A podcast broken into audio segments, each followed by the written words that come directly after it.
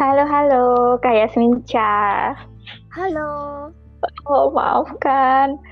Di Jepang udah malam banget pasti ya. Iya, lumayan. Maafkan, maafkan Kak Yasmin. Jadi ceritanya, jaringanku lagi tidak bersahabat nih bacaan Lendi Agassi. Jadi eh, mohon maaf kalau jadi putus nyambung kayak hubungannya siapa siapa nih? Hubungan Mahesa dan Alea iya. Kita aku tuh uh, oh iya sebelumnya sebelum uh, kita bahas tentang novel Alea perkenalan diri dulu dong kak Yasmin Ca. Ini tuh uh, beruntung banget. Bacaan yang diagasi bisa ngobrol langsung sama penulisnya ye oke okay, eh oke okay, kak Alea oke okay, kak Yasmin Ca silahkan diri saya Jasmine Cha. Um, boleh dipanggil apa ya? Boleh dipanggil Jas. Suka nulis? Enggak ya? suka enggak? suka ngebucin iya, juga. Sebenarnya nggak suka nulis, tapi karena nggak ada kerjaan eh, nggak uh, ada kerjaan selama commuting akhirnya nulis. Uh, jadilah oh. Alea itu. Jadi beneran murni produk bucin halu yang kurang kerjaan. Tapi serius loh, ini tuh bacaan sahabat Lendi Agassi kita tuh mau bahas tentang buku yang judulnya Alea and the Forgotten Empire. Perjalanan ke masa lalu. Pertama kali pegang bukunya aku tuh seneng banget Kak Yasmin. Karena apa? Karena uh, cover depannya tuh sudah seperti menggambarkan isinya gitu. Jadi excited gitu pas lihat covernya. Wow, mengingatkan kepada sebuah Waduh, drama. drama yang mana nih? gelap-gelapan terus uh, baju uh, terus uh, apa tuh cover depannya kan uh, kesannya tuh dark misterius gitu. Hmm. itu tuh awalnya pas lihat cover depan tuh kayak ngingetin aku sama uh, Moon oh, Lovers Moon Lovers nih Moon Lovers nggak bisa lupa. Iya langsung. Iya kan pas setting terakhirnya yang pas dia bilang so aku akan mencarimu sampai ke ujung dunia itu tuh inget itu aja oh gitu. God, so, eh, so happy ya. Ceritanya juga mirip-mirip sih. Dan maksudnya mirip itu pas baca, jadi settingnya tuh berasa kayak nonton sagek gitu. Wow. Memang, memang pas nulis memang kebayangnya ke situ, Kak Yasmin. Enggak. oh iya enggak sih. Tapi uh, karena di uh, Wattpad itu kan uh, kita bisa bikin apa sih namanya kayak semi fanfic gitu ya. Kayak misalnya tokoh ini uh. Uh, inspirasinya siapa gitu. Terus uh, tokoh ini siapa ya? Pastinya tokohnya inspirasinya ya ya itu. Ya ya you know lah.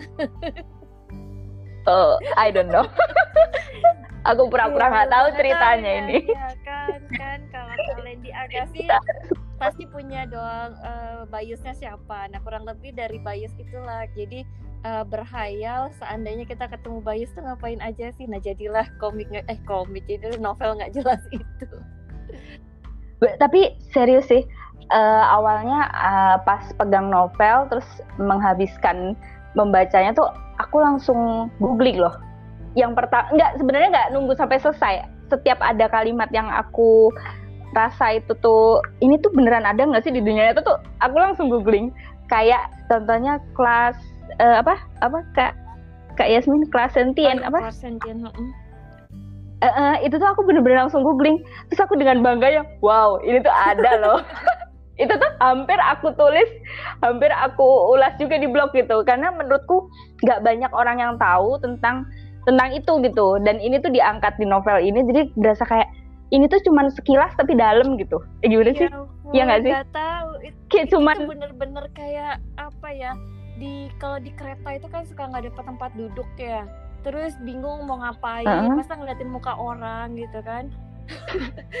Terus megang HP juga suka apa ya suka udah mati gaya. Pusing ya? Enggak, mati gaya mm -hmm. aja kayak baca apa lagi ya gitu dan kebetulan emang orangnya nggak suka baca gitu ya, maksudnya nggak suka baca uh, berita yang di luar uh, berita bias ya. Kayak jauh banget itu ya bacanya uh, jadi uh, apa ya makanya ngapain ya? Ya udah kita nulis aja deh apa pun yang hari itu kayak apa ya kepikiran ya udah ditulis gitu. Dan emang aneh sih kok jadi nyambung ya nyambung nyambung uh, dan emang itu awalnya nulisnya iseng banget kayak nggak punya nggak punya apa ya nggak punya impian pengen nulis novel juga jadi bener-bener untuk ngisi waktu. Tapi lama-lama kok hmm. uh, kok banyak yang banyak yang komen banyak yang minta terus gitu lah akhirnya jadi keterusan dan sadar-sadar terakhir aku udah nulis apa aja ya sampai 80 bab. Penulisnya aja udah nggak inget. Wow nah, jadi ini iya, iya, iya. ini episode episode pertama uh, buku pertama. Jadi saking tebelnya 80 bab harus dibagi jadi tiga gitu Wah, keren banget. Terus ya, Kak Yasmin, ini tuh awalnya, awal mulanya kan iseng hmm. tadi. Tokoh yang tercipta itu siapa Kak Yasmin? Awal, awalnya. Awalnya si Alea. Jadi aku, uh, aku kan suka ke museum mm -hmm. uh, suka ngebayangin kalau ke museum itu uh, kalau aku pegang apa ya jangan-jangan ada cerita tentang pangeran ganteng aja ganteng oh tapi beneran ada kemampuan ya, itu? Enggak oh enggak lah, ya? kalau ada aku udah, oh. aku udah siapa tahu ya? tawan deh. Memastikan SM itu beneran ada kisahnya apa? Mungkin bahaya ini kayaknya. Ngomong sama Randy Agassi bisa terbongkar Oke oke kita nggak akan bongkar aib kita di sini ya bacaan sahabat ini ya guys. Oke si Alea ini pertama kali tercipta hmm. memang karakternya ini tuh aku kayak ngelihat kayak Yasmin loh serius. Mungkin kalau pembaca uh, sahabat Lendi Agassi mungkin nggak tahu kayak Yasmin ini orangnya kalau di depan kamera santuy tapi kalau udah sama kita kita rame asik banget gitu. Nah pas baca Aleanya aku yang kebayang adalah tokohnya adalah si penulisnya Kak Yasmin. Serius ya ampun.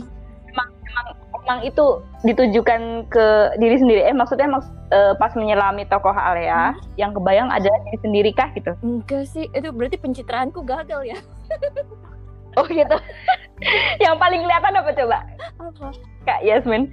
Jadi pas dia pertama kali ketemu ketemu sama Bala Putra Dewa terus dia bilang, ah ganteng banget itu aku berasa ngelihat kayak Yasmin kalau ketemu sama si biasnya kayak Yasmin? Uh, apa ya? Uh, jadi sebenarnya uh, cerita ini itu aku tulis pas aku tuh mimpi jadi ya mimpi hmm. ketemu ketemu raja ganteng gitu ya dan akhirnya ini kayak seru deh kalau aku tulis di kereta gitu kan. Uh, memang aku suka mimpi yang nggak selesai gitu. Sering nggak sih kalian di kayak mimpi ini kayak mimpi apa? gitu ya. Tuh kayaknya seru banget bisa dibuat novel. Cuman karena uh, karena nggak punya kemampuan novel ini kan novel pertama ya. Maksudnya aku juga nggak punya pengalaman nulis fiksi sebelumnya nggak tahu cara buat kalimat. Jadi bener-bener uh, main tulis-tulis aja deh. Nah itu makanya pas tadi nanya Alia itu siapa aku juga nggak tahu. Jadi uh, waktu itu pernah ngobrol sama Karijo kan uh, apa ya kalau ketika nulis karakter fiksi itu kadang-kadang kita ngeliat dia ada di depan mata gitu loh.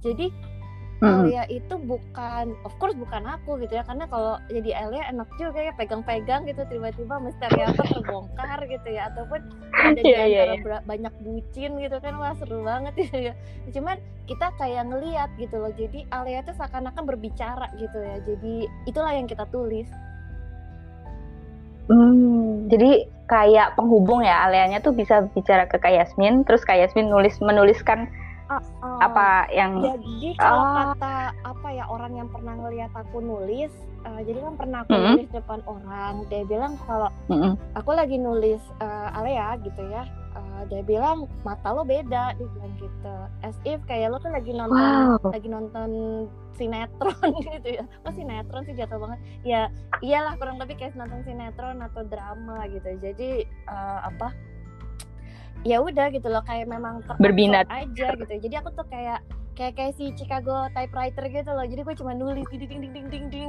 gitu. Oh ghostwriternya. Eh ada ghostwriternya kan ya jangan-jangan Ale iya. Iya benar alias sendiri yang nulis. dulu, aku cuma medium gitu. Gila plot twist. Makin penasaran pembaca nanti ya kalau alias sendiri yang nulis nanti endingnya gimana nih? Serem. Karena setelah setelah buku ini ada, aku tuh sebenarnya kepo ke sosial media, em, ke mm, ke Google. Hmm. Jadi aku searching searching kayak Yasmin. Pas searching gitu banyak banget yang nyariin ini kok novelnya mendadak hilang katanya gitu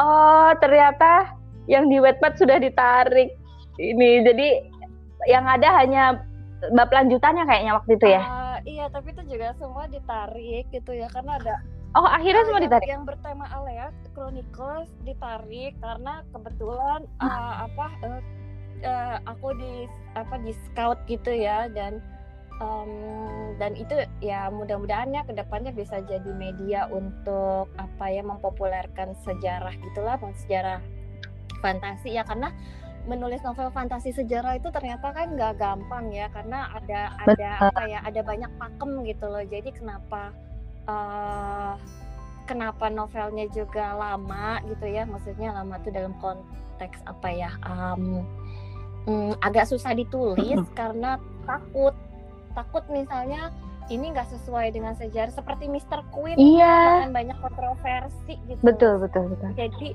jadi sebagai penulis pemula itu sebenarnya nggak tahu seberapa jauh kita bisa ya maksudnya uh, berimajinasi gitu. Apalagi di society Indonesia yang masih uh, lebih konservatif gitu ya belum terbiasa dengan uh, adaptasi sejarah ke bentuk uh, hiburan yang uh, lebih fantasi gitu ya. Karena so, uh, selama ini kan um, kalau nggak tahu kalian di dulu nonton sinetron ini enggak sih? Apa sih kayak sahur sepuh atau apa gitu? Nonton yang ada gerandongnya itu apa? Eh bukan ya. Apa sih itu? Iya. Itu nonton. Itu kan zaman dulu ada ya. Uh -uh.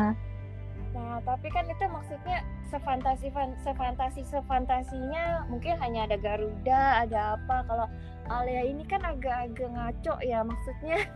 Ada ada ini karena traveler mungkin ya Iya karena karena penulisnya emang agak-agak nggak tahu menulis apa sih.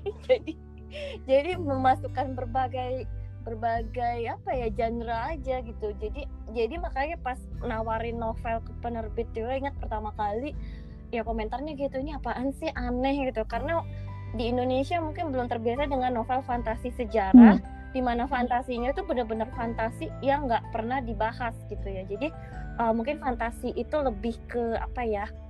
Apa dong? Kayak misalnya oh tiba-tiba ada burung garuda muncul atau gitu ya. Jadi uh, baru sebatas maksudnya makhluk-makhluk uh, mitologi gitu. Hmm. tapi ketika Alea ini jadi penghubung antara dunia manusia dan du dunia dewa itu kan agak-agak di luar pakem iya, gitu. betul. jadi uh, jadi ya alasan kenapa uh, para pembaca juga suka apa ya kayak terus dong kak terus dong kak tulis. Nah itu mungkin karena emang belum ada aja cerita kayak begini ya uh, yang yang yang apa namanya mengcover uh, setting Nusantara gitu iya betul jadi perasaanku pas baca Alea juga uh, ini tuh novel jadi kemarin tuh sempet datang ke bukan datang maksudnya nonton ke uh, IG live-nya Kak Dilestari. Ternyata uh -huh. uh, beliau tuh bercerita kalau novel itu sebelum launching dalam bentuk buku ternyata lebih asik -huh. kayak di webpad gitu. Jadi orang bisa uh jadi jadi punya apa sih? Aku suka ini sama ini, ini sama ini gitu. Jadi kayak geng-geng gitu. -huh. Terus aku oh mungkin ini ya.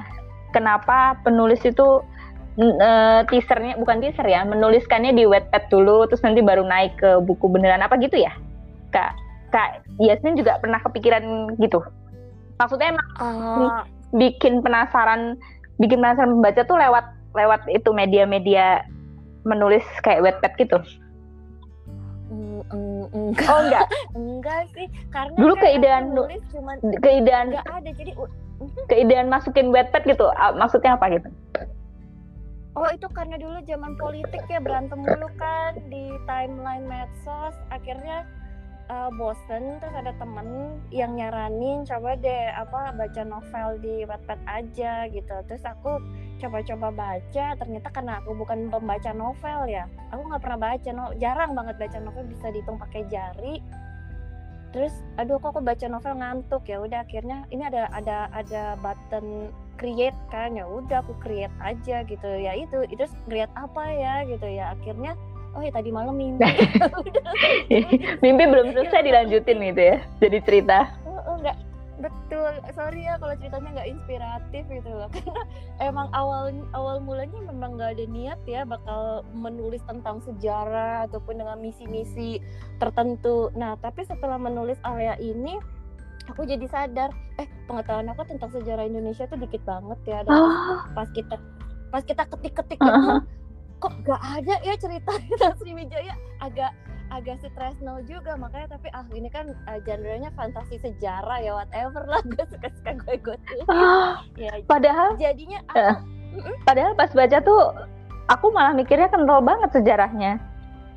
Dan istilah-istilahnya sih sebenarnya aku pikirnya ke situ sih. Kalau orang yang kayak aku tuh sebenarnya kayak kayak Yasmin waktu SMA tuh pernah dihukum sama guru sejarah. Jadi aku tuh nggak okay. pernah. Jadi karena gurunya strict aku jadi nggak suka sama pelajarannya gitu. Oh, iya Terus setelah itu aku jadi anti sama yang ada hubungannya sejarah, makanya jarang nonton sagek.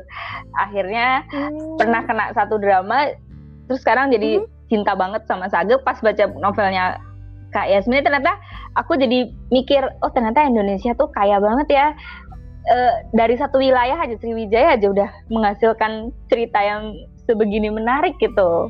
Jadi maksudnya buat aku yang nggak kenal sejarah tuh rasanya kayak oh amazing. Ini sampai ya Kak Yasmin aku tuh pas baca tuh sambil megang pensil sambil aku catat-catat saking aku ya jadi karena nggak tahu istilahnya jadi misalnya ada yang bikin aku tertarik gitu aku catat terus nanti aku googling. Kalau udah selesai aku googling. Ini beneran ada nggak sih? Ini beneran ada nggak sih? Gitu ya Allah kalian ini pembaca novel atau ini ya kayak kayak mahasiswa. Karena excited banget. Kan kisah kisahnya memang uh, ada banyak kisah cintanya. Tapi menurut aku karena dipadukan sama sejarah itu yang jadi unik. Karena aku tuh ya itu salahnya dulu nggak suka sama gurunya itu jadi anti banget. Tapi sekarang sejak nonton Sagek jadi berasa kayak semua sejarah tuh semua negara tuh pasti punya sejarah yang kita bikin kita tuh belajar dari dari itu gitu. Misalnya kayak Sriwijaya ini kan berarti uh, di uh, Sumatera. Jadi aku kebayang gitu uh, gimana culture-nya gimana budayanya gitu-gitu loh kak. Yasmin gimana sih? Hmm keren ya. Kenapa? Aku jadi aku yang mes sendiri? Kenapa jadi gitu Eh, enggak karena aku juga sebenarnya uh, sangat berterima kasih ya sama Alea ini. Uh, aku juga kayak kalian di dulu uh, pelajaran sejarah itu ngantuk gitu ya. Jadi aduh nih hafalan tahun berapa tahun berapa mm. gitu. Aku enam sejarahnya enam tujuh tuh udah tujuh tuh udah hebat banget gitu loh. Karena ya sorry tuh saya gitu kadang-kadang boring gitu ya kayak aduh apa sih ini nama terus ya udahlah kali Ken Arok berantem sama siapa bukan urusan gue yeah. Mungkin zaman dulu mikirnya gitu karena ulangannya kan harus pasti ya mm -hmm. harus jawabannya si ini si ini pakai titik lagi kan titik koma nggak boleh salah mm -hmm. kan jadi nggak nggak menikmati gitu loh sejarah Indonesia itu apa jadi sebenarnya aku tuh nggak tahu sejarah nggak suka sejarah tapi pas nulis Alea hmm? itu tuh benar suatu titik perubahan besar ya dalam hidup kayak eh kok ternyata kita nggak punya ya narasi narasinya gitu loh yang bisa bikin uh, apa ya sumber sumber untuk nulis Alia sendiri itu kan sebenarnya terbatas banget. Hmm. Nah di situ kan mulai terketuk gitu kayak ini cari di mana ya? Gitu ya. Mulai mulai sedih gitu loh. Dan makanya keluarlah kata-kata Alia kalau kalau nggak salah di halaman berapa ya aku lupa. Um, yang aku tidak rela gitu loh cerita tentangnya itu hilang. Aku lupa ya yang mana tapi delapan tuh? Kali iya. Yang dia berantem sama Mahesa. Delapan tujuh. Eh, delapan tujuh kali ya aku lupa deh di halaman berapa. Karena ini uh, babnya kan udah dibetulin ya sama editornya. Ini juga kasihan. Aku makasih banget tuh sama editornya ini karena ya maklum lah newbie pernah nulis. Tiba-tiba dibetulin. Dan ini emang bikin stres loh nulis novel ternyata. Iya, iya. jadi bener yang di webpad itu uh, bukan sebenarnya bukan gimana teaser ke pembaca tapi kalau di Wattpad itu kan kita nggak peduli ya salah tulis EYD-nya bener atau enggak gitu ya sesuai KBBI atau enggak pokoknya apa yang kepikiran ya kita tulis gitu ya hmm. itu sebenarnya sangat menikmati dan ketika harus menuliskan ulang uh, membuat logi, uh, lebih logis uh, terus ditambah-tambah deskrip deskripsinya nah di situlah mulai penulisan novel itu tidak menyenangkan buat aku gitu. oh iya iya, iya. Hmm, mulai seperti kayak uh, kreativitas itu dibatasin gitu ya memang memang harusnya seperti itu sih maksudnya ada pakem-pakem karena karena kebetulan kita nggak punya skill aja jadi ngerasa berat gitu cuman uh, jadi agak sedikit terkekang ya betul betul. Iya jadi kayak kayak nulis tugas akhir. Mm-hmm. kok repot ya gitu loh hanya untuk nulis novel. Dan situ aku apresiasi penulis novel. Yang tadinya aku malas baca novel sekarang setiap ketemu penulis novel aku angkat angkat ini deh angkat angkat bukan angkat angkat topik ya. Iya angkat topik gitu. Kayak wah hebat banget ya bisa melalui apa ya melalui proses ya. Jadi uh, di Wattpad itu benar-benar proses kreatif kita keluar tapi ketika mau menerbitkan novel itu benar-benar profesionalisme ya yang harus dikedepankan gitu. Nah itu mungkin aku masih uh, kurang di bagian bagian itu. Gitu kalian oh. kan jadi panjang aku kalau bagus. Cerita. eh bagus. Keren maksudnya. Eh, aku, tadi uh, memang beberapa kalimat yang aku anggap romantis tuh aku tandain. Oh boleh dong kalau boleh dengar soalnya soalnya aku jujur aja aku nggak tahu loh hal romantis seperti apa. Oh gitu? Jadi, pas ada pas ini pas di Wattpad ada penulis eh penulis pembaca yang yang request kak kok sin sin romantisnya? Dikit ya? Gak oh, ya dikit. Uh, terus oh, oh, aku tuh yang kayak aku nggak tahu romantis itu kayak gimana. Biasa nonton Demon Slayer. Iya. Enggak uh, mungkin romantis versi kayak Yasmin beda sama versi pembaca mungkin ya.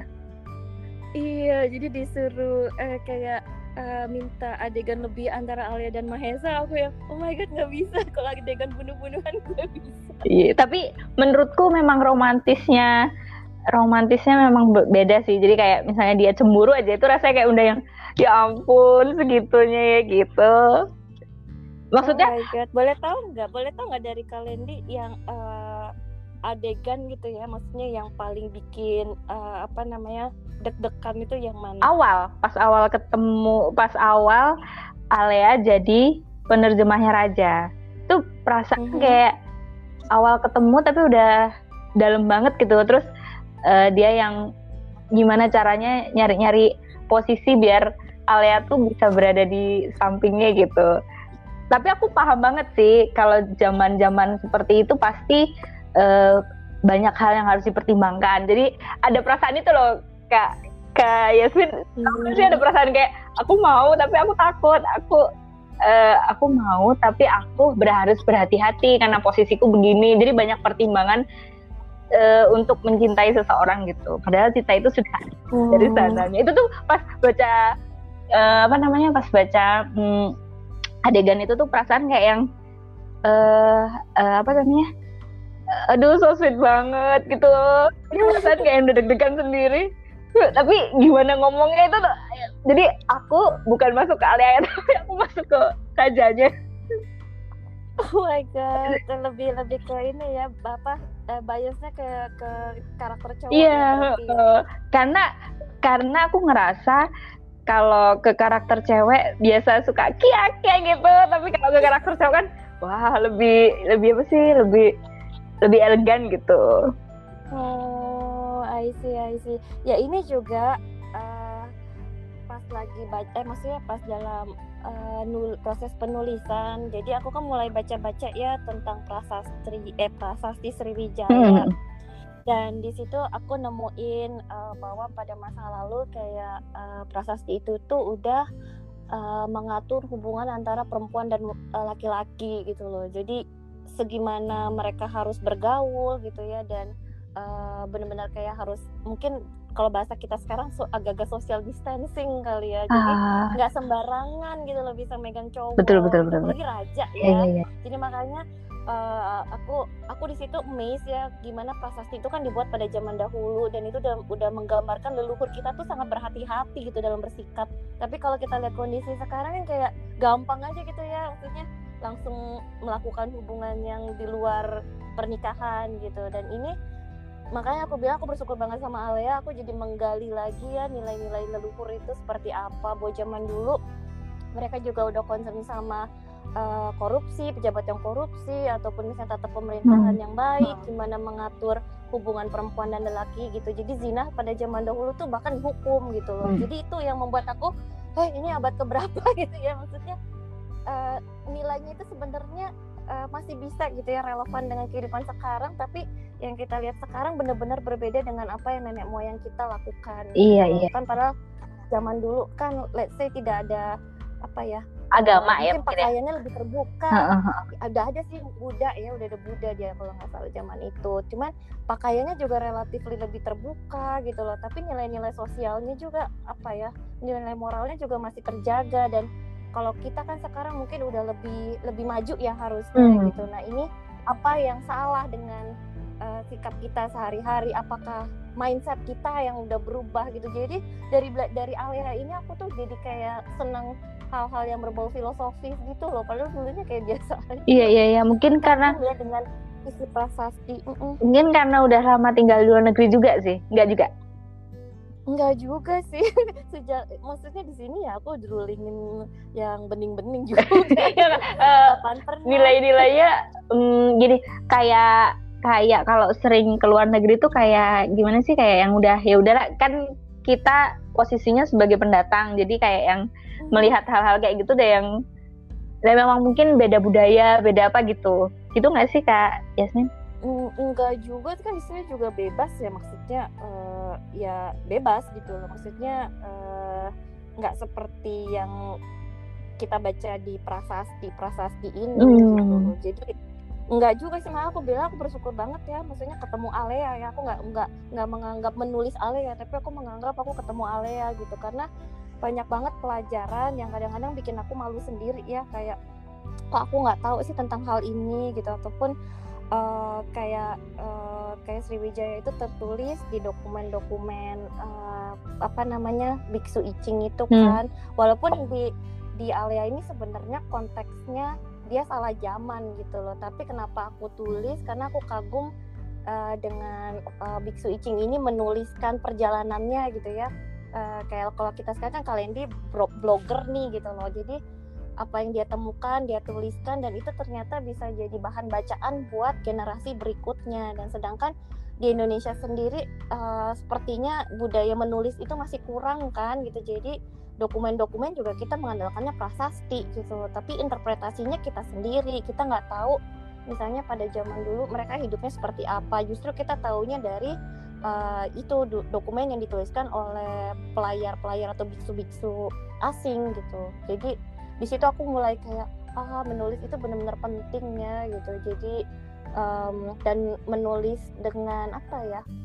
Dengan dengan kesadaran tinggi ya bahwa ini maksudnya uh, bisa dijadikan referensi buat orang-orang berikutnya. Hmm. Nah itu yang aku sedih kayak kok di negara kita sistem dokumentasinya kurang apa ya masih perlu diperbaiki lah gitu. Kalau uh, yang cerita tentang Sriwijaya ini kan ada beberapa dari chroniclesnya uh, dinasti Tang gitu ya dinasti apa lagi aku lupa gitu ya dan sedih nggak sih maksudnya kayak eh kok cerita tentang negara kita yang punya dokumen negara lain gitu ya jadi kayak hmm, itu yang membuat kayak nulisnya pun sedih gitu ya kayak aduh gue bisa berbuat apa ya ya udahlah gue uh, sekalian halu akhirnya ya udah bikin jadi jadi novel Mm -mm. Uh, tapi kali ini ngerasa nggak sih kayak gitu nggak ya? Jadi aku pernah uh, punya teman blogger yang emang dia concern sama uh, budaya-budaya Indonesia. Dia tinggalnya di dia tinggalnya di uh, salah satu daerah di Jawa Barat. Jadi dia tuh mengangkat mm -hmm. mengangkat semua cerita-cerita sejarah, tapi yang ada di Jawa mm. Jawa Tengah maksudku. Jadi dia ngangkat-ngangkat uh, sejarah yang ada di Jawa Tengah. Lalu dia tuh mencari informasi seputar uh, Kartini. Katanya dia tulisannya tulisannya temen ini dalam tapi dia bilang kalau itu bukan tulisannya dia tapi dia baca dari dokumen bahasa Belanda. Wow, Terus, keren banget. Uh, gimana caranya? Tapi zaman sekarang bahasa Belanda, bahasa Inggris, bahasa Cina, bahasa Jepang kan bisa aja dibaca pakai Google ya. Nah, cuman iya, itu iya. ternyata dia googling terus menemukan itu tuh kayaknya jadi apa ya? Uh, dunia itu berasa terhubung gitu loh Kari eh Kak Yasmin jadi gimana sih um, budaya kita memang pernah ada di salah satu negara karena memang kita pernah terhubung dengan negara tersebut gitu. Mm-hmm. Aku eh, nggak uh, salah sih kalau misalnya budaya Indonesia pernah uh, ada di Cina gitu. mm-hmm. sama perdagangan sama yang gitu ya Kak Yasin ya? Iya, iya. Jadi uh, ini nih aku uh, halaman 174 mm-hmm. deh kalian. Yang tulisan kayak aku tidak rela jika cerita mengenai dirinya lenyap begitu saja gitu. Jadi kamu tahu bahwa tidak ada narasi detil mengenai bala putra yang bisa kami pelajari di masa ini. Keberadaanku di masa lalu mungkin bisa mengubah semuanya. Aku harus memberitahu masyarakat mengenai sosok raja yang begitu karismatik dan juga rupawan. Nah ini sebenarnya pas nulis ini tuh aku sambil nangis ah, kayak sayang banget oh, ya gitu. Oh, oh, kok ceritanya dikit banget ya maksudnya apa yang uh, kalau kalian di Google pasti ini ada gambar gitu ya gambar raja huh. gitu ya that's it gitu loh udah dan itu juga kayak ya gitu doang rajanya nggak membuat kita kayak merasa kehilangan gitu loh nah pas nulis ini aku tuh benar-benar ngerasa nah ini uh, Bala Putra itu sebenarnya nggak ada inspirasi apa ya uh, uh, bukan fanficnya siapa-siapa gitu hmm. loh Alia juga bukan fanficnya siapa-siapa hmm. jadi tuh konsep yang benar-benar abstrak jadi aku nggak tahu wajahnya seperti apa gitu ya. Beda sama karakter-karakter lain yang memang uh, dibuat untuk memuaskan apa ya imajinasi ya, pembaca uh, imajinasi terhadap terhadap pria-pria uh, dari Asia Timur hmm. gitu ya nah kalau Bala Putra itu emang nggak ada gitu loh. Jadi benar-benar tokoh yang abstrak yang kita nggak tahu seperti apa gitu. Dan itu pas aku nulis tuh selalu uh, kayak kayak gimana ya orangnya gitu ya. Jadi tapi pengen tahu tapi nggak ada bahan tentang tentang rajanya itu gitu. Jadi di situ selalu setiap nulis tentang bala putra itu sedih. Makanya kalau uh, ceritanya gegemelo gitu ya nanti di edisi-edisi berikutnya ya itu. Oh, itu ini spoiler berarti ya. Nah, spoiler, spoiler. aku aku dikutuk-kutuk itu. Oh, ya ampun. Aduh nggak nggak ngebayangin bakalan sedih. Tapi ini bakal dibikin spin off gitu nggak sih kayak Yasmin? Misalnya uh, top uh, sukses nih empat buku kan udah keluar semua. Eh tiga buku empat buku ya? Itu bakalan nanti dipecah-pecah lagi nggak karakternya? Uh, ini kayak Mister Queen maksudnya. Siapa tahu. Kan ya dayang coy. Uh, uh, namanya penulis kan nggak pernah berhenti idenya sampai di situ doang. Pasti bakalan ngalir terus idenya sebenarnya kalau yang sekarang Alea itu lagi di Batavia ya. Jadi dia udah udah jadi selesai dari si Sriwijaya ini Alea itu ke Gunung Padang. Jadi ada versi keduanya. Nah itu juga udah tamat sebenarnya di Wattpad tapi aku aku tarik. Nah itu juga uh, oh dia, dia itu ada pembaca udah nganggap aku gila kali ya. Kayak ini dapat imajinasinya dari mana sih? Gitu kan aku nulisnya begini begini aku yang du du du du du. Nggak tahu aja gue. Pokoknya setiap naik kereta sambil berdiri ya udah apa yang kelintas aja gue tulis gitu. Jadi eh, nggak uh, kan ada yang nanya nih hmm. eh, gimana sih cara nulis novel fiksi? Pakai kerangka gimana? Dan awal tuh yang kayak Alia itu dari awal nggak ada kerangka penulisan. Dan aku pernah ikut uh, workshop cara menulis fiksi dari itu uh, harus dimulai dengan ini kan apa uh, kerangka ya, uh -uh. kerangka ceritanya seperti apa, karakternya siapa aja dan endingnya seperti apa. Jadi aku nggak bisa loh kak. Jadi ngerjain tugasnya gimana dong? Hah? Nggak, aku aku withdraw. Ah. gak bisa gitu kayak, kok aku jadi pusing ya, malah jadi nggak menikmati dan aku yang, kayaknya aku bukan tipikal orang yang apa ya yang uh, karena si Alia ini juga berasa teman kayak misalnya berasa aku lagi ngomong sama kalian hmm. gitu, hmm. kayak gosip ini ada apa. Hmm. jadi aku pun nggak tahu cerita berikutnya tuh apa gitu. Jadi menikmati aja. Jadi pernah dong kan ke mana kan ke mana. Pernah dong sama sekali nggak nggak ada ide buat si Alia pernah dong? Uh, misalnya mis, misalnya seminggu ini naik kereta tapi yang kepikiran adalah mahasiswa. Jadi nggak nggak nggak ada ide buat nulis Alia lagi gitu Pernah?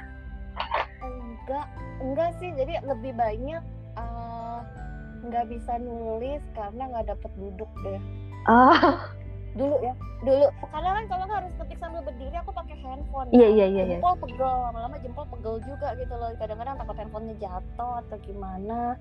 Ya, ya gitu sebenarnya apa ya kayak aku kadang pada masa penulisan itu ngerasa Alea tuh temen gitu jadi kayak aku lagi dengerin musiknya dia tuh aku ketik gitu. Aneh ya? Enggak ya? enggak enggak tapi enggak normal. emang penulis fiksi itu bakat sih menurutku. Gimana sih? Nggak semua orang bisa bisa jadi penulis fiksi. Mungkin kalau nulis semua orang bisa nulis tapi nggak bisa jadi penulis fiksi menurutku gitu. Karena aku sediem-diemnya di tempat misalnya nggak ada kerjaan gengges gitu pasti nggak akan nulis. Nulis cerpen eh maksudnya nulis cerita. Pasti bakalan membayang-bayangkan udah halu-halu tapi tapi nggak akan jadi cerita gitu. Jadi emang bakat sih menurutku. Nggak semua orang bisa loh kayak Yasmin serius deh. Ini tuh tapi sekarang nggak nulis sekarang kayak apa? Karena jempol udah pegel ya. Aku ngalamin titik jenuh gitu loh. Jadi kayak tadinya bisa nulis di HP kan uh isi waktu. Nah terus pandemi kan. Pandemi, pandemi. dan uh, jarang pandemi dan jarang banget gitu terpaksa harus banyak di rumah gitu apa pun online. Nah ternyata pandemi banyak makan jempolnya malah mulai deh. Uh, uh, jadi nggak bisa nggak bisa gitu ala ala dulu gitu ya. Jadi dan malah setelah kegiatan banyak di rumah nggak ada waktu nulis. Aneh ya? Mm. jadi sibuk ke urusan yang lain gitu. Jadi aku kayak udah setahun dari pandemi Maret kemarin tuh bener-bener mencari waktu untuk menulis tuh susah banget itu loh. Oh mungkin karena semua dari rumah ya jadi nggak ada waktu. Nggak ada waktu curi-curi ya nggak ada waktu curi-curi. Ah ternyata gitu ya nggak ada waktu ketemuan sama Alea berarti. Oh iya iya bener kayak kadang-kadang ngerasa ya pernah gak sih? Kayak nggak tahu kalian ini pernah ngerasa punya teman imajinari gak sih? Nggak ya? Aku uh, serius aku takut sama itu gitu. Aku nggak punya sih. Aku nggak punya sih. Cuma kadang-kadang ya kalau lagi mau tidur terus ada yang gini aduh lo kok belum nulis tentang gue sih? Ah. ini sorry kok gitu. Iya sih, ya itu itu yang aku bilang itu bakat, itu anugerah gitu. Nggak semua orang kayak gitu soalnya. Aku belum bel, jadi kalau aku punya waktu luang pasti kayak gitu kak Yasmin.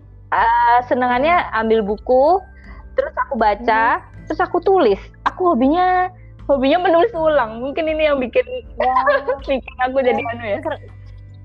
Enggak tapi keren lah. Aku malah nggak bisa seperti itu. Pengen ya pengen pengen sebenarnya kayak lebih banyak uh, belajar menulis fiksi itu uh, kayak gimana menciptakan sebuah karakter fiksi itu juga ya itu sebenarnya pengen banget belajar. Cuman uh, ya itu balik lagi kadang-kadang gitu ya apa yang ada di teori gitu ya apa yang uh, disampaikan oleh banyak ini uh, mungkin kurang bisa diterapkan di aku sendiri. Jadi ketika udah ada standar gitu ya malah nggak ketulis gitu. Jadi aku ngerasa jeleknya tuh di situ gitu. Jadi benar-benar uh, apa ya Alia itu benar-benar ungkapan ekspresi kali ya atau aku hanya menuliskan ulang gitu. Jadi nggak bisa nggak bisa dengan kerangka nggak bisa dengan pola nggak bisa dengan misalnya karakter development harus begini-begini. Nah itu aku langsung stuck gitu lah eh Alia itu apa ya gitu ya. Ataupun uh, misalnya nih tiba-tiba ada karakter baru muncul kan banyak yang nanya ini siapa lagi kak? gitu kan ini plot twistnya apa lagi? gitu ya. Karena misalnya pas di webpad gitu kan tiba-tiba gantung ya ending yang chapter ini nah, kok ini bisa begini? Kok ini bisa gini? Nggak kepikiran dalam hati gue juga nggak kepikiran soalnya. Iya benar-benar ya aku tahu besoknya gimana gitu loh. Jadi benar-benar apa yang terjadi aja ngalir gitu. Jadi ini memutuskan memutuskan di buku satu ini atas dasar apa kak? Yasmin? Jadi oh. ceritanya keputus di sampai terakhir halaman terakhir itu. Apakah akhir dari cerita uh, Tanah Sriwijaya itu bener-bener hmm, ini jadi tuh ada bakal ada tiga buku uh, ya mau jadi ini dipotong buku. Uh. Uh, uh, ini tuh se seri aku sebutnya seri uh. ya seri pertama Alea itu kan di Sriwijaya uh. jadi karena saking panjangnya itu ada berapa ya hampir seribu kayaknya halamannya ulah aku nulis apa aja pun aku nggak tahu gitu ya karena kan sambil sambil komuting ya uh. ya udah tulis aja tiba-tiba pas uh, apa namanya uh, pembaca bilang kak dibuatin novelnya dong cetak gitu ya. Udah aku mulai tuh pindahin ke Word ternyata masih pindah-pindahin. Oh, oh. nah loh kok udah seribu? Gitu ya. Uh, penerbit mana yang mau nerima dengan uh, anggaplah aku nggak punya nama gitu ya sama sekali dan udah nggak make sense. Akhirnya setelah diskus ke sana ke sini ya udah di, dibagi tiga aja gitu. Jadi uh, yang ini tentang perjalanan dia awal hmm. gitu. Yang kedua itu ketika Alea akhirnya ketemu eh di spoiler. Iya padahal udah ada dong spoilernya di sini. Iya udah ada sih ya. Itu apa um, jadi dia ke ke dunia ke dunia lain dan di mana dia ketemu si Mahesa gitu. Uh. Mahesa itu siapa? Terus buku ketiganya uh, ya biasalah penutupan ending ending cerita gitu aduh udah deg-degan kalau udah ending cerita tuh udah yang paling deg-degan sih Uh, uh, itu aku uh, ya pada siap-siap mental. Eh, itu dia, itu dia. Karena genre fantasi itu sebenarnya menurutku yang paling tak terduga sih cerita paling tidak terduga. Jadi kita mau cari juga mau cari pakem apa gitu kan bingung ya. Iya, karena emang fantasi kan dibebaskan berimajinasi. Nah, makanya sebenarnya aku takut uh, takut loh memakai kata Sriwijaya ini ya karena kan uh, ya ada pakem hmm. ya, ada budaya yang kita harus Jaga. pahami hmm. gitu. Tapi ketika kita berbicara tentang fantasi, fantasi adalah sesuatu yang ha, ya boleh dong gitu dibebaskan sesu, sesu, sesu, sesuka hati gitu hmm. ya. Karena namanya juga fantasi nggak masuk akal gitu. Uh, cuma kan tetap ada koridor-koridor di mana aku juga harus jaga gitu ya harus uh, sesuai lah. Dengan zaman. Misalnya kan nggak mungkin uh, uh, ya nggak mungkin lah misalnya di, dikatakan bala putra itu uh, misalnya setengah monster atau gimana itu kan agak-agak uh, nggak apa-apa. berlebihan. Setengah monster tapi jadinya songgang nggak apa-apa dong. Aduh ganteng. Salah pet salah iya tapi itu itu kengeriannya ya dan di buku kedua itu juga eh, setelah selesai nulis Sriwijaya ternyata nggak boleh berhenti loh membacanya loh membaca yeah. I love you Vanalia eh, tapi demanding sekali gitu. Kadang-kadang eh, ada DM masuk mm. ya ini ada lanjutannya enggak ini udah selesai gitu. Ini ini, ini. Aku tuh kayak uh, uh, uh, iya, iya, iya, Mm -mm, sebenarnya bikin semangat dan satu lagi bikin stres. Ya, aku pengen ending nih gitu. Nggak boleh gitu. Kayak uh, kayak akhirnya nulis seri kedua itu. Dan di seri kedua uh, biasnya Unwu dong makin gila. Betul betul. Makin nggak berhenti gitu ya. Itu juga agak panjang.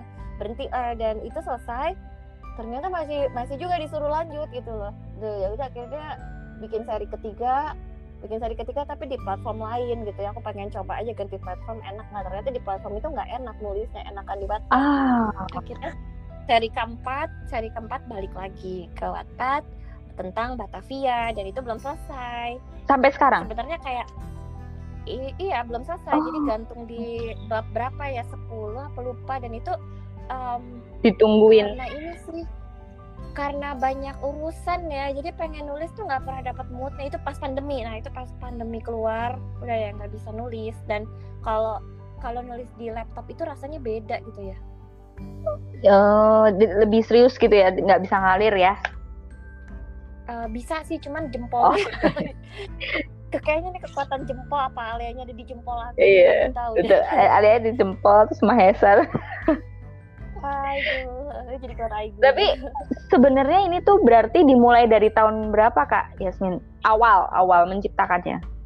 Karakter Alef. 2017 deh Kak. Oh, sampai sekarang 2021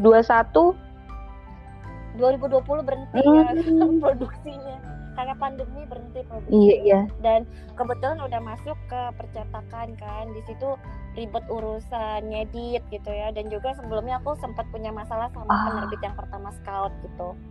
Karena uh, ini apa namanya visinya nggak sama gitu terutama kayak tadi tentang cover juga visinya beda gitu kayak iya. aku pengen yang agak dark hmm. gitu ya agak misterius uh, tapi uh, yang penerbit pertama yang scout itu uh, kurang akomodatif gitu ya. Udah akhirnya aku withdraw. Itu prosesnya cukup lama ya. Aku kayak udah naskahnya aku tarik. Karena aku pikir aku nulis novel bukan untuk jualan gitu ya. Ini cuman kayak bentuk hmm. apa ya bentuk ekspresi seni gitu. Ekspresi uh, kayak ini pertama kali lo aku nulis fiksi dan dan selesai gitu ya. Kan biasanya uh, ya udah pengen nulis tapi nggak pernah selesai nggak sih? Nggak tahu kalau kalian di gimana. Jadi dia bener-bener pertama kali bisa nulis panjang selesai gitu. Jadi aku pengen banget uh, menghargai apa ya kayak Wah, iya. eh akhirnya bisa nulis. Ya nggak pernah nulis bisa nulis gitu. Jadi kayak kalau harus uh, menggadaikan idealisme kayak apa sih rasanya? Apa ya rasanya? Kayak kayak ih ini kan tentang storynya Alea dan aku menghargai Alea oh, sebagai teman iya, iya, iya. produk gitu. Oh ada kayak kayak gitu ya jadi kayak aku pengen membuat uh, ya kan karena Ya, jadi aku tadi tuh kepikiran mau nanya gini kak Yasmin, mau nggak nulis novel yang uh, lagi happening, misalnya nih, misalnya kayak drama Korea aja, 2020 hmm. lagi happening tentang selingkuh-selingkuhan. Jadi semua drama tuh hubungannya sama sama itu semua. Itu ya, aku tuh mau nanya sama Kak Yasmin, oh. mau nggak nulis novel yang dipesen gitu? Jadi kayak yang uh, hmm. sekarang tuh trennya di 2021 nanti bakalan uh, petualangan ke space sweepers petualangan angkasa loh maksud ah. gitu. maksud aku gitu jadi uh, novel by pesanan bukan ah. bukan idealisme lagi gitu hmm, nggak tahu aku punya skill atau enggak ya maksudnya kalaupun mau kayaknya nggak ketulis itu itu masalahnya kita di situ ya. Seperti tadi aku bilang ke Kalendi ketika aku ikut kelas penulisan dengan kerangka kan itu apa biasanya pertama itu buatlah kerangka penulisan. Terus karakternya siapa endingnya gimana nanti ngembanginnya gimana. Nah itu aku juga ini mulai dari mana ya? Kayak malah jadi apa tegang nggak dari hati. itu juga pasti banyak apa sih hmm. out, apa outer block gitu loh. Kayak yuk berikutnya apa ya? Kayak udah ada karena kita udah tahu mau ke mana jadi udah nggak seru gitu. Kayak oh ya males gitu malas lanjutin gitu. Nah itu mungkin aku nature-nya nggak bisa kali. Mungkin oh, orang lain bisa tapi boleh bisa. dong kita dikasih bocoran. Ini tuh kayak Yasmin ini bukan buku pertama aku kan? Bukan bukan buku pertama sebelumnya kan buku non fiksi, non fiksi ada dong. Ya tapi kan beda kan buku non fiksi itu kan lebih kayak apa ya dari fakta kan menuliskan ulang. Jadi sesuatu yang kita selama SMA juga terbiasa nggak sih dikasih guru? Ditulis. Baca kayak tadi kalian kan lebih menyenangkan gitu kak. kayak Yasmin gimana sih? Hmm, jadi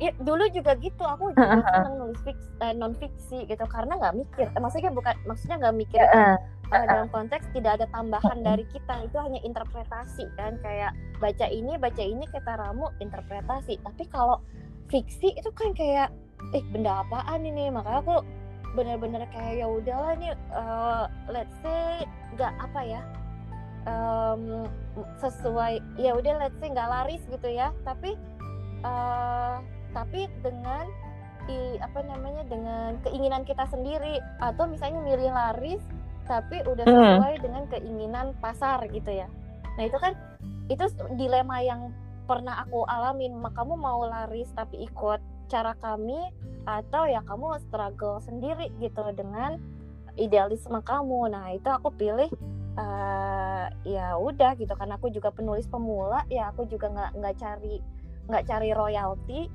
Aku cari apa ya um, aku berterima kasih sama Alea. Karena Alea udah mengajarkan aku ini tuh ada potensi loh sejarah Indonesia. Dan aku jadi tahu banyak hal gitu. Jadi kayak uh, aku memilih untuk berterima kasih pada Alea dengan dengan dengan tetap menjaga uh, apa ya Eh, nilai-nilai uh, iya, iya. tulis di Wattpad. Boleh dong, aku dikasih itu ke Yasmin dikasih momen paling menyenangkan saat berkenalan dengan Alia. Ada momennya nggak? Misalnya kayak hmm, pas momen Alia adegan ini nih, kayaknya aku tuh merasa kayak nggak bisa selesai, nggak bisa berhenti nulisnya gitu. Adegan yang di di buku satu ini ada momen yang kayak gitu nggak Kari kayak Yasmin berkesan ya kalau sama Alia ya hmm. nggak tahu sebenarnya aku lebih berkesan oh. Alia enak banget sih jadi terpuaskan ya maksud puas suka gitu Iya itu tapi lebih parah di buku kedua eh di, di seri kedua ya yang pas dia di Gunung Padang itu bawahnya uh, lautan bucin. Oh tapi dengan nama lain. oh. Ya of course kan oh. kan fanfic namanya. Jadi uh, jadi Hyun Bin apa Hyun Bin itu pura-puranya jadi uh, raja ah raja rampan peran antagonisnya uh, enggak sih nggak rampan lebih itu ah iya iya negosiasi uh, negosiasi dan uh, dan foto Bin itu aku pasang pas nulis cerita tentang si raja. Jadi gimana si Alia itu kayak apa ya kalah kalah kalah prinsip gitu loh. Kayak oh tidak. kan gimana dong? Itu dan itu ternyata dan aku aku uh, shocknya itu uh, uh, banyak pembaca yang bisa relate gitu ya. Kayak iya iya aku juga jadi bingung gitu kan. Ganteng soalnya jadi oh ternyata bukan aku aja ah, itu bisa jadi kayak itu sih. supaya apa sih? Jadi, yang agen itu loh kayak sih nonton nggak? Film uh, yang mainin dulu Kim Hanel yang perempuan. Kalau Kang Hanel kan yang laki, ini yang perempuan yang main di uh, 19 Again itu. Dulu dia pernah main sama kalau nggak salah jadi agen rahasia agen rahasia gitu. Ternyata pacarnya sendiri. oh, oh iya iya iya. Berarti buku kedua lebih lebih itu ya, lebih dalam lagi karakter area Alea dan uh, dan semua yang berhubungan dengan Alea ya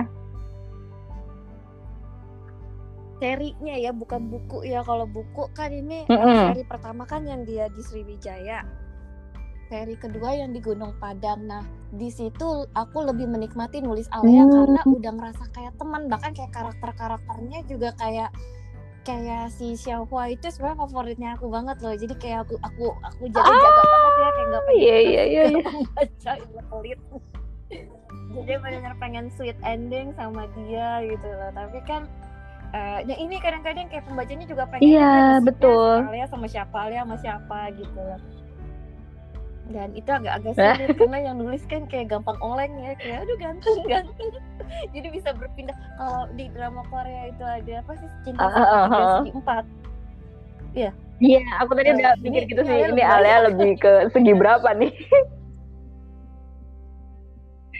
bener-bener terus dia nanti balik lagi ke awalnya loh Iya itu itu itu susah. Kayak yang terakhir itu kan aku pakai pakai yeah, yeah. BTS ya. Itu kayak aduh ganteng. Jadi jadi nggak tahu ceritanya makin ngawur sih yang di seri Batavia gitu. Jadi itu karena aku tulis um, kalau nggak salah sebelum pandemi ya. Jadi cerita itu dan tiba-tiba outbreak ya gitu kayak berasa berasa kerasa banget sih kayak aku di situ ngerasa eh kita tuh pernah mengalami ya pandemi panjang bahkan ketika Jakarta di masa lalu gitu. Dan uh, apa gimana itu akhirnya uh, rancang kotanya pun dirubah gitu ya. Batavia itu akhirnya jadi lebar jadi meluas uh, pindah kalian ini tahu nggak? Mm, sejujurnya kalau Batavia jadi, aku tuh seneng non mm, seneng ke gimana sih? Kalau ke Jakarta itu seneng sama sejarahnya tapi aku nggak tahu banyak tentang sejarah Jakarta. Sampai aku baca-baca jadi kayak karena suami arsitek sebenarnya dia nggak pernah cerita banyak sih soal tata kota cuman dia uh, cerita kalau bangunan ini tuh begini gitu. Tapi aku nggak nggak begitu tahu wilayahnya sebesar apa nggak nggak nggak sampai segitunya sih. Cuma bangunan oh iya aku juga baru Hmm, aku juga Apa? baru tahu sih pas nulis ya kayak oh, oh ternyata tadinya tuh kecil banget gitu ya kayak cuman benteng gitu ya Sunda uh, daerah dekat Sunda Kelapa itu kayak cuman tiga area kecil gitu ya, isinya benteng nggak ada apa-apa gitu ya dan tiba-tiba uh, jadi uh, pindah gitu perluasan karena di benteng itu pun kesebar penyakit gitu loh. Jadi ya udah udah dirasa lingkungannya tidak sehat makanya uh, mereka memindah ke permukiman baru terutama kan untuk kayak petinggi-petingginya kan mereka butuh yang area yang lebih sehat. Jadi zaman dulu itu orang yang datang ke Batavia itu banyak yang mati gitu ya. Jadi uh, karena dan Batavia itu sempat disebut sebagai kayak kota kematian gitu loh siapa yang datang oh, tapi memang dari dulu kalau nggak salah uh, ibu kotanya bukan Batavia ya? Eh aku salah ya? Jadi kayak cuman cuman daerah oh. singgah doang karena strategis. Oh. terus iya nggak sih? Aku salah nggak sih? Ingatan aku payah banget. Nggak aku juga belum aku juga belum ekspor sejauh itu sih. Cuman uh, yang paling aku uh, paling aku amazed ya pas nulis uh, itu iya, ketika iya, aku iya. tahu Kapten Cook tahu Kapten Cook gak sih? Dia tuh ternyata pernah mampir loh ke Batavia gitu loh sebelum dia menemukan Australia. Jadi dari situ tuh aku langsung hah serius? Gitu ya. Udah terus kan uh, pas nulis jadi aku menulis tuh dengan dengan excitement ya kayak kayak anak kecil baru dikasih tahu gitu loh kayak ternyata ya gitu loh ternyata Kapten Cook ya dan, dan cerita itu ada Kapten Cook ah. sih dia mampir ke Batavia mm -mm. jadi seru sih sebenarnya nulis Alia itu bakal aku bilang aku merasa kehilangan dengan pandemi ini dan nggak punya waktu nulis ya karena kayak outletnya nggak ada gitu loh untuk mencintai sejarah untuk halu gitu. Dan itu benar-benar maka aku bilang makasih deh Alea gitu ya udah memperkenalkan aku dengan banyak hal gitu dan hal-hal yang aku nggak tahu. Dan mungkin uh, banyak juga teman-teman yang lain juga belum tahu gitu bahwa sejarah tuh seru gitu ya. Sejarah tuh seru asal dinarasikan uh, dengan menyenangkan gitu loh. Kalau misalnya dengan old school kan kita boring gak sih itu ya? Betul Maksudnya, betul. Ya gitu deh tapi intinya. kok yang an yang bikin aku mm, merasa bertanya-tanya kayak Yasmin kan tinggalnya di Jepang. Tapi nggak ada setting Jepangnya gitu gimana sih? Nggak oh itu ada ada di cerita lain cerita semi romance komedi yang itu juga oh jadi selain buku ini ada project buku lain? update-nya. Oh. di webpad aku tuh banyak ya tapi banyak nggak selesai jadi kalau nanti kalian di uh, ada waktu main ada yang namanya setting Jepang itu kok aku jadi lupa judulnya. Saking aku suka kayak nggak selesai. Makanya aku seneng banget sama Alia tuh selesai karena yang lain tuh banyak yang kayak gantung. Tapi justru yang gantung tuh yang dicari orang sih. soalnya kalau selesai kayak yang ah udah selesai nih mah gitu. Jadi kalau yang gantung justru bikin penasaran ini imajinasi yeah. pembacanya aja gitu judulnya you can. You can Dekinai Koto oh you can. You can you can nggak bisa. Uh, you can Dekinai Koto jadi ceritanya itu tentang pekerja itu pekerja kantoran yang uh, dia dikelilingin dua bos ganteng tapi sama bos ceweknya nggak boleh naksir gitu loh. Jadi ada aturan tertulis kalau sampai naksir kalau sampai dideketin bakal dikeluarin ah. jadi sebenarnya cerita misteri sih rawon. You will never know. uh, si, um, uh, bukan. Belum tuh itu jauh sebelum itu aku pertama nyoba nulis romantis. Itu itu kayak karena aku ngambil kayak semacam apa ya uh, pelatihan hmm. nulis romantis gitu ya. Aku wow. coba nulis itu tapi akhirnya eh, di di beberapa uh, dua dua episode atau oh. tiga episode akhirnya jadi cerita misteri hantu gue nyerah romans padahal suaranya kayak Yasmin lembut banget loh. Aku pikir orangnya romans yang mendayu-dayu gitu.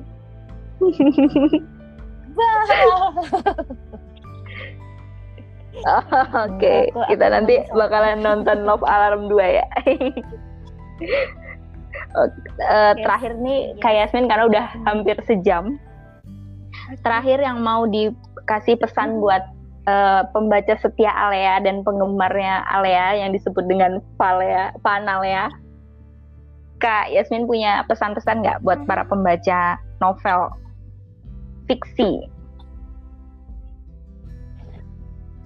Eh, pertama aku pengen ngucapin uh, makasih banget buat Vanalea yang uh, udah ngikutin dari Wattpad terus sampai apa ya uh, mendorong uh, mendorong buku ini diterbitkan secara apa ya dicetak di, dicetak gitu ya diangkat ke penerbit.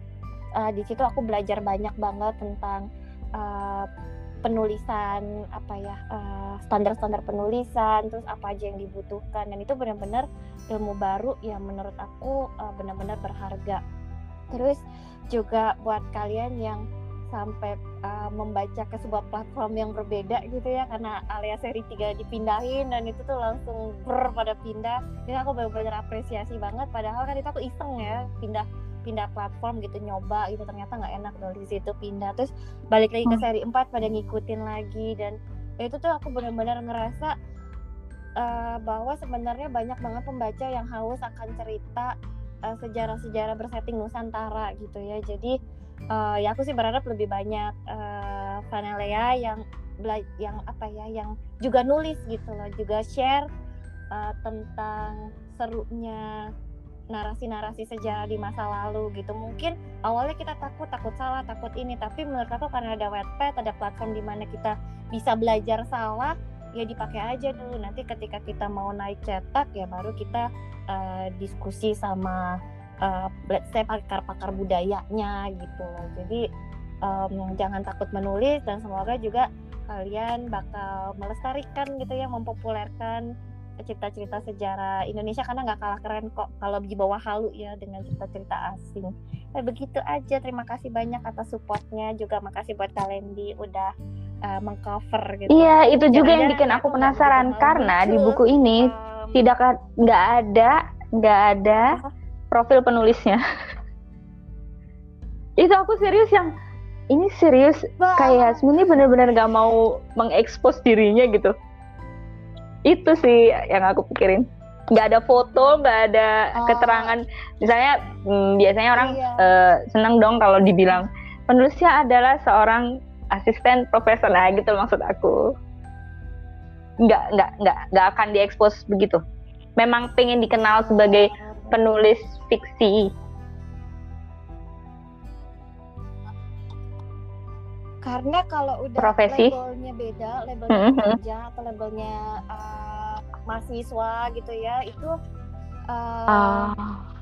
beda gitu ya hawanya gitu jadi kalau aku uh, aku suka dengan label uh, jadi kalau misalnya sekarang mm. kan aku hmm. belajar nulis ya identitasku adalah penulis gitu loh. Jadi totalitas sebagai penulis bener-bener anak baru newbie nggak tahu apa-apa nulis gitu loh. Dan kalau udah misalnya nih aku uh, pekerja di bidang ini ataupun aku mahasiswa gitu ya ataupun aku misalnya uh, dokter gitu ya nah itu makin apa ya udah ada label itu dan kebawa nulisnya gitu. Jadi di situ yang aku mungkin nggak pengen nggak uh, pengen apa ya nggak pengen aku pakai gitu loh labelnya jadi ya udah ini penulis newbie gitu loh yang baru belajar nulis fantasi dan tiba-tiba jatuh cinta gitu loh sama fantasi sejarah hmm. itu yang uh, aku nikmati gitu ya enak loh gitu jadi ah. benar-benar ketika nulis aku adalah temannya Alea gitu loh jadi aku bukan siapa-siapa dan itu tuh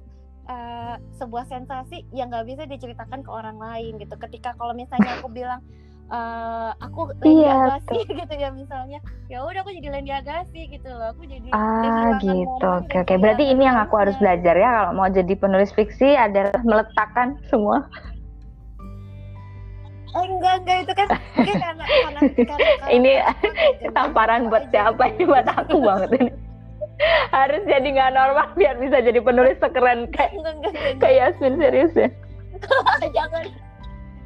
Enggak aku udah dibilangin gila sih sama teman baca novel gitu. Tapi seru banget. bisaan gitu loh.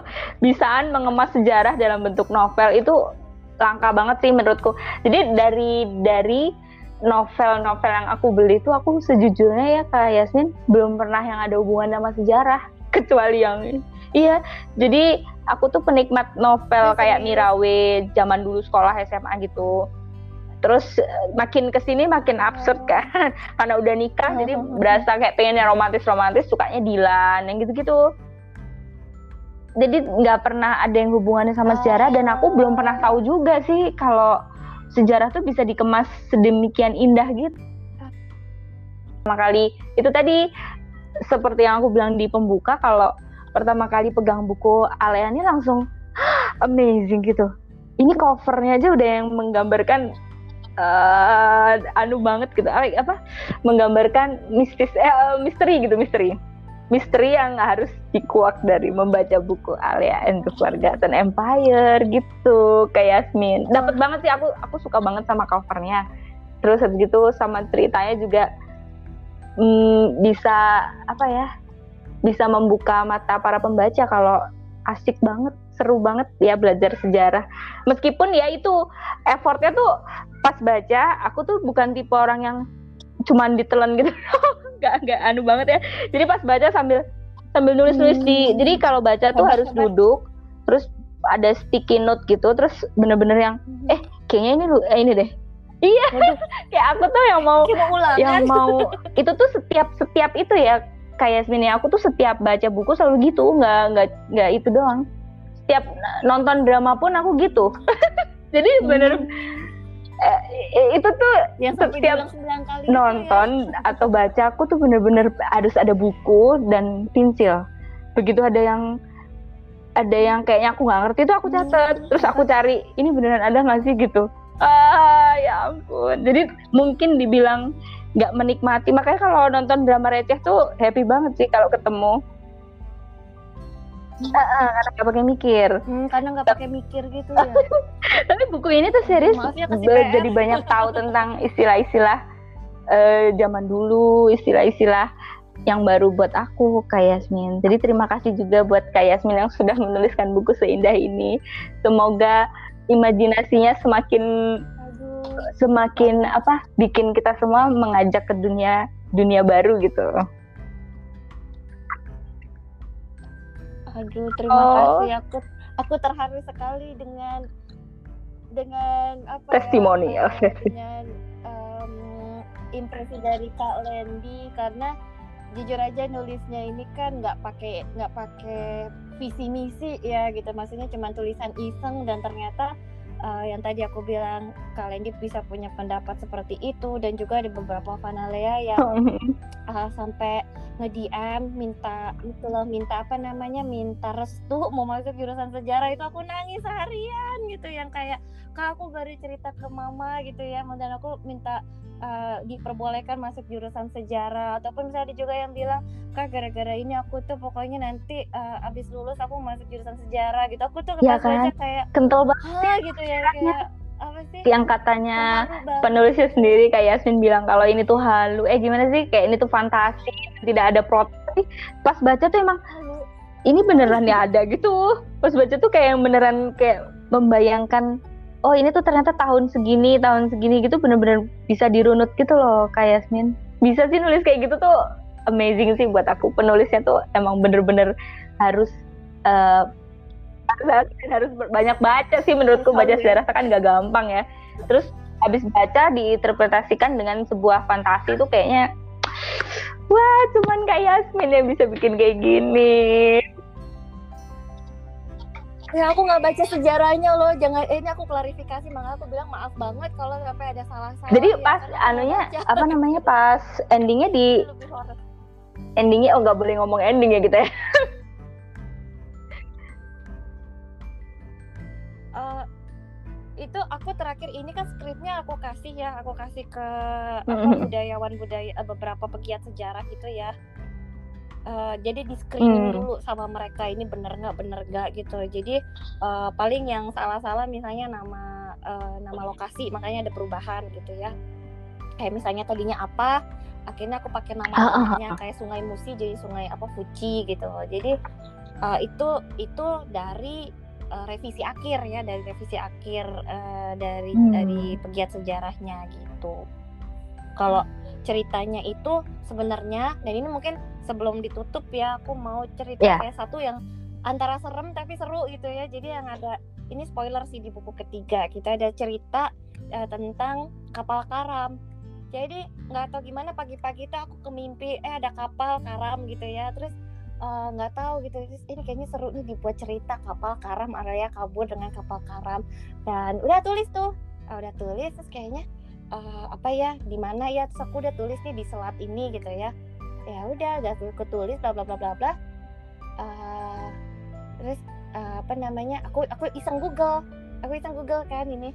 Ada nggak sih kapal karam di Indonesia? Kita tuh pengen pengen tahu deskripsinya aja kapal karam itu isinya apa gitu-gitu. Dan pas baca ada dong kapal karam pada abad yang kurang lebih sama ya. Nggak tahu tahunnya sama atau enggak kurang lebih sama di abad eh di akhir abad 9 itu.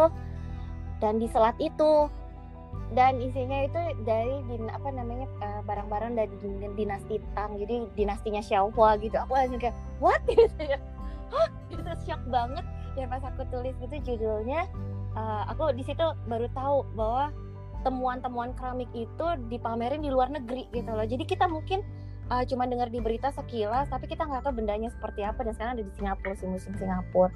Nah itu yang membuat aku sampai uh, nulis itu sampai shock gitu ya. Antara shock uh, uh, apa shock terus kaget dan juga kayak agak kesel ya karena kok gue baru tahu gitu ada penemuan sepenting itu uh, di Indonesia gitu. Nah itu salah satu yang membuat kenapa aku enjoy banget tulis oh, ada hal baru tapi gitu, memang sih kalau dari baca buku beberapa buku ini jadi panjang ya aku tadi udah bilang mau selesai.